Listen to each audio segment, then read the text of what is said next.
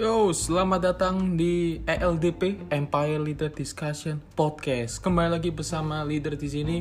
Gimana sobat leader? Hari ini tanggal 26 Juni 2021 hari Sabtu. Kembali malam Minggu buat teman-teman semua. Tetap semangat dalam beraktivitas. Tetap harus berhati-hati karena Covid semakin naik Uh, hari ini rekor ya kelihatannya hari ini atau kemarin rekor 20.000 jadi teman-teman stay safe. Kalau kalian pergi nggak ada gunanya nggak usah pergi uh, kurangin dulu nongkrong nongkrongnya please. Kalau misalnya nanti covid udah landai baru kalian boleh pergi. Cuma sekarang please jangan pergi-pergi dulu. Karena bukan masalah kalian nongkrong tapi ketika kalian kena dan menyebar ke orang tua kalian ke tetangga-tetangga kalian takutnya mereka kena kritis dan ya ya. Tau lah habis itu kenapa ya. Oke sekarang kita panggil kalian bukan kaula muda lagi bukan leader so, uh, bukan apa ya? Bukan friend lagi tapi sobat leader. Nah itu keren tuh. Sobat leader. Kemarin kan di Instagram kita kan bikin-bikin konten-konten itu kan nggak cuma leader aja ya tapi ada partner leader. Uh, pada saat itu bikin satu konten tulisannya halo sobat leader kayak menarik gitu ya. Sobat leader? Menarik menarik. Akhirnya kita panggil fanbase kalian yaitu sobat leader. Itu kenapa sobat leader? Karena uh, leader pingin kalian bisa menjadi pemimpin diri kalian sendiri sehingga nanti ke depannya ketika kalian diremehkan ketika kalian tidak ada siapa-siapa hanya kalian sendiri yang bisa diandalkan dan kalian harus bisa jadi pemimpin buat diri kalian sendiri. Itu dia yang paling penting. Nah, sekarang kita langsung ke topiknya yaitu kembali lagi sebelumnya bacain buku tentang filosofi teres, tentang kitanya sendiri, bagaimana cara kita menghadapi pancingan-pancingan lawan atau bagaimana cara mengontrol mengontrol ya, mengontrol emosi-emosi yang kadang-kadang bikin panas gitu. Nah, sekarang kita kembali lagi ke segmen bacain buku dari buku bukunya dari salah satu entrepreneur yang terkenal. Mungkin yang kalian tahu. Yaitu dari Rico Tampenawas dengan judulnya Ilmu Jalanan. Ilmu kesuksesan yang tidak ada di kurikulum dan buku pelajaran ini dia kalau kalian tahu kalian bisa komen di Instagram atau mungkin di komen di Spotify atau di Google Podcast. Nah ini juga termasuk national bestseller ya teman-teman. Kalian bisa beli di Gramedia. Di setiap daerah kelihatan juga ada. Pas leader baca buku ini ya Nanti mungkin reviewnya uh, Nanti ya teman-teman ya. Karena kan bacain buku ini kan banyak ya poin-poin pentingnya. Jadi kita akan bagi part 1 dan part 2 nanti mungkin part 2 nya leader akan memberikan kesimpulan dan review dari buku ini. Uh, sebagian awal leader akan membahas poin-poin penting di part 1 ini ya. Jadi singkatnya kalau kalian nggak tahu Ringo Tampenawas ini uh, dia sekarang terma dia sekarang seorang entrepreneur di bidang properti. Mungkin yang kalian tahu yang namanya Easy Property. Dan orangnya pernah nongol atau collab sama Boy William. Kalian bisa lihat akun YouTube channelnya Boy William. Di situ ada Rico Tampe Wenas di Bali di proyek yang dia Easy Property. Kalian bisa nonton di situ. Secara lengkapnya personalitinya kayak gimana. Uh, ya seperti biasa dia sebelumnya orang yang bisa dibilang nggak punya singkatnya dia tuh orang yang nggak punya mamanya juga terhilit utang sering di ditemuin sama debt collector. Habis itu untungnya dia punya tantenya yang bisa bantu anaknya untuk sekolah tapi cuma sampai kuliah pun sampai semester berapa. Akhirnya dia melalang melintang ke berbagai pekerjaan kayak masuk ke multi level marketing, agen properti, asuransi, dan pada akhirnya dia bisa sampai sukses sekarang dan dia pun kelihatannya juga punya seperti artis-artis sekarang ya yaitu pemilik klub. Dia juga beli salah satu klub di daerah Minahasa ya kalau nggak salah. Pokoknya daerah sana lah daerah Minahasa. Bisa jadi inspirasi teman-teman karena uh, Riko Tampe Nawas ini seorang yang pekerja keras. Dan bukunya ini lengkap ya ilmu-ilmu yang kita bisa dapat mungkin di luar sekolah gitu dan wajib wajib beli karena mungkin ini sebagai pedoman buat kalian ya dan kalian juga bisa mempelajari selain keberhasilannya tapi kegagalan-kegagalannya supaya kalian tahu bahwa hidup itu tidak semulus yang kalian bayangkan itu dia dan di sini juga ada beberapa testimoni dari Bung Chandra dari Coach Johannes G. Pauli dan juga dari Dr. Insinyur Matius Yusuf buku ini termasuk bidang self improvement ya bidang self improvement kalau ngomong harganya sih 68.000 which is ya nggak terlalu mahal-mahal banget ya. Karena emang ya relatif lah 68.000 karena bukunya juga uh, pembahasannya juga ringan nggak terlalu yang sangat berat. Covernya juga ya sesuai lah 68.000 make sense? Jadi kalau menurut leader sih nggak terlalu mahal-mahal banget uh, penerbitnya dari Kompas Gramedia ya. Dari PT Alex Madio Komputindo. Ini nggak tahu ya apakah ini penerbit Gramedia bisa apa namanya bisa dapat diskon? Kan diskon BCA biasanya kan kalau di Gramedia itu promo dari Mei sampai Juni itu kayak ada promo BCA itu kalau buat khusus pembelian buku Gramedia gitu tapi nggak tahu ya sekarang ya oke Uh, secara singkat itu teman-teman ya penjelasan dari bukunya sejarahnya. Buku ini kelihatannya launching tahun 2018, 2018 atau 2019 gitu. Kalau nggak salah lo ya. Sebentar. Ya sekitar situ 2019. Langsung aja poin-poin pentingnya ya yang kita bahas untuk part 1 ini. Jadi buat teman-teman yang mau beli tadi langsung ke Gramedia atau mungkin kalian males, kalian bisa langsung di aplikasi Gramedia di App Store dan Play Store. Bukan endorse, cuma ya kasih tahu aja, kasih info aja gitu. Poin yang pertama adalah yang dibahas paling awal. Kalau kalian mau sukses, kalau kalian mau ngejar cita-cita kalian, yang paling penting itu kalian harus bisa fokus sama diri kalian sendiri. Yaitu uh, maksudnya ya kalian harus bangun fondasi kalian dulu. Nah, itu dia. Di buku ini uh, menjelaskan hal-hal apa aja, fondasi apa aja yang harus kita pegang gitu. Nah, itu dia yang akan kita bahas pertama kali. Jadi, kalau kalian mau sukses, bangun fondasinya dulu. Nah, fondasinya itu yang paling penting bagaimana cara kitanya itu harus bisa berhubungan sama spiritual, Tuhan, dan juga keluarga. Nah, itu yang dipelajari di sini dan dia pun juga berpesan buat kita-kita semua, kita itu dalam hidup harus punya hikmat dan kebijaksanaan dan itu selalu minta sama Tuhan. Dan juga selalu uh, sayang sama keluarga, selalu menghormati keluarga karena ya tanpa keluarga pun, tanpa suami dan istri ya kita nggak bisa lahir di dunia gitu. Misal kalau kita anak kedua, kalau misalnya papa mama kita mutusin, uh, mah kita putusin lah, uh, lahiran anak pertama ya kedua nggak bisa ya. Ya kita tidak ada di bumi teman-teman.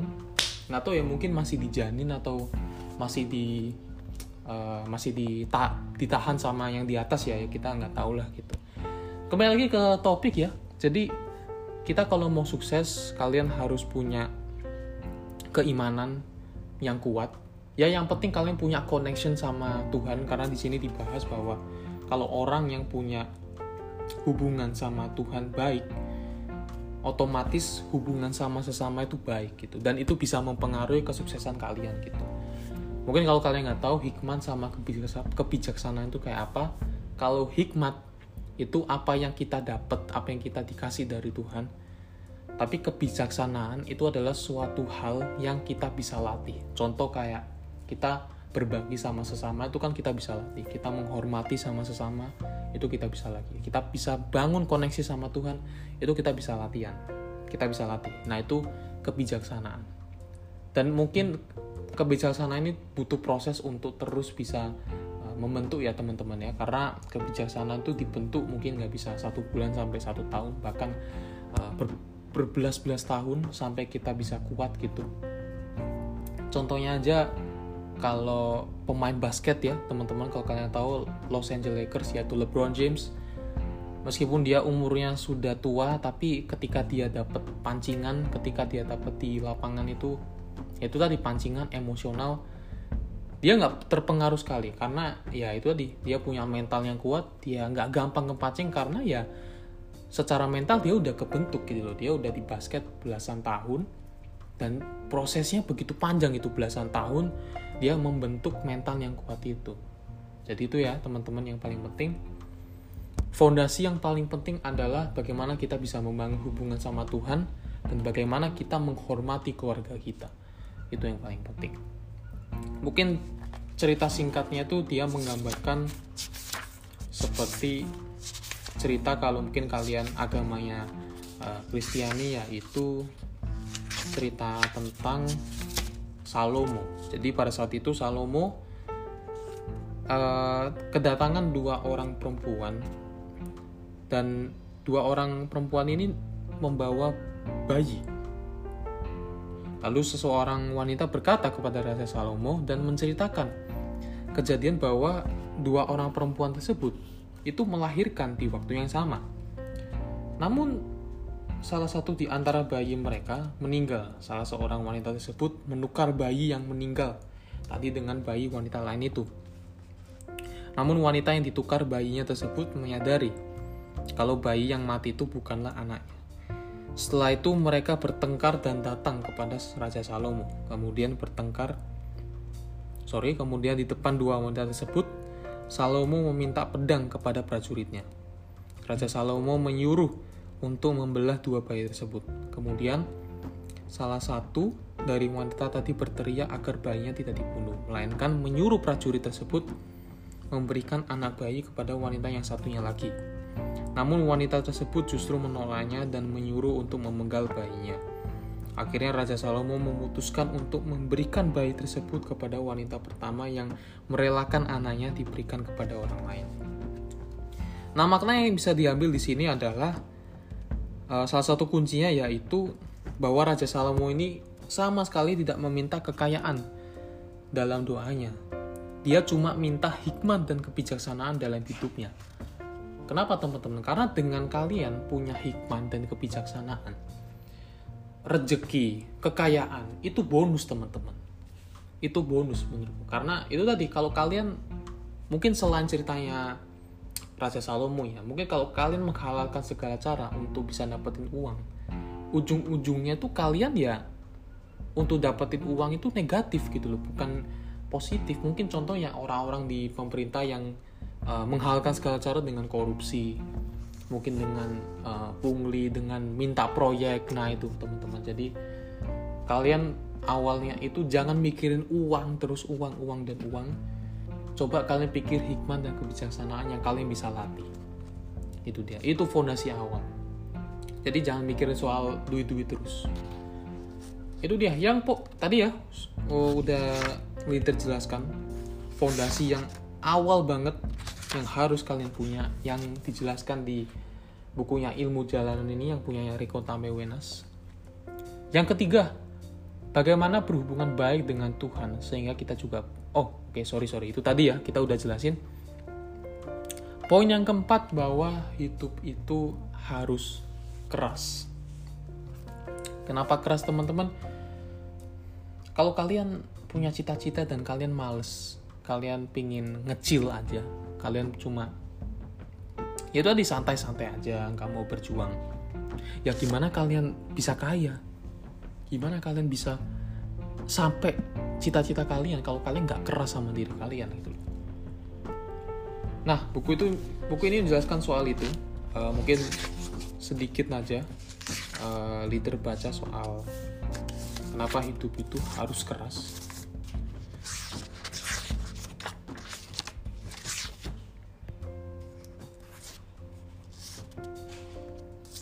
Nah, ini dia salah satunya untuk teman-teman semua. Ketika Anda keras dengan kehidupan, maka dunia akan lunak kepada Anda. Tapi ketika Anda lunak terhadap diri Anda, dunia akan terlihat keras untuk Anda. Saya memiliki pedoman yang saya pegang sebagai fondasi untuk saya menjalani kehidupan. Saya menamakannya yaitu necessary instinct. Jadi teman-teman ya, uh, intinya adalah kalau misalnya kita hidupnya kita keras, maka dunia itu akan lunak kepada Anda. Tapi ketika Anda lunak kepada diri Anda, maka dunia akan terlihat keras untuk Anda. Itu dia. Jadi kalau kalian dari sekarang masih santai-santai aja, masih nggak punya tujuan itu, nanti ketika kalian punya tanggungan, kalian akan merasa hidup ini kok keras banget. Hidup ini kok nggak ada gunanya buat aku. Padahal ya, kenapa dari dulu kamu nggak mikirin soal tujuan hidup kamu gitu? Itu ya teman-teman ya. Jadi jangan selalu menyalahkan eksternal. Pokoknya kalian jangan kasep lah. Itu aja.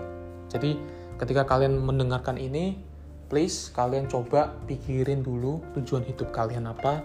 Lalu kalian lakukan karena kenapa harus punya cita-cita atau tujuan karena ya itu itu tadi salah satu pemacu kalian untuk selalu uh, bangun selalu bangun pagi dan selalu tidak males untuk bangun pagi. Sorry. Itu dia. Karena mungkin agak ke mana-mana ya ngomongnya ya. Jadi kalau misalnya kalian males bangun pagi menurut leader sih ya karena kalian nggak punya tujuan itu aja gitu. Karena kalau misalnya kalian punya tujuan itu leader yakin kalian akan bangun dan kalian akan selalu bersyukur wah terima kasih Tuhan udah kasih kesempatan untuk bangun pagi untuk jalanin cita-cita. Kalian bangun kalian kerjakan dan leader yakin kalian akan bisa cita-cita. Akan kalian akan bisa capai cita-cita kalian. Sehingga kehidupan atau mungkin hidup yang anda jalani itu akan lunak pada akhirnya. Itu dia bukan keras pada akhirnya. Itu dia ya. Itu poin yang keempat kenapa hidup itu harus keras pada intinya yang kelima Bentar ya teman-teman ya Oke, uh, sekian dulu ya, teman-teman. Untuk podcast part 1 ini kita akan lanjutkan part 5, eh poin kelima dan juga episode ke-11 di part kedua. Bye.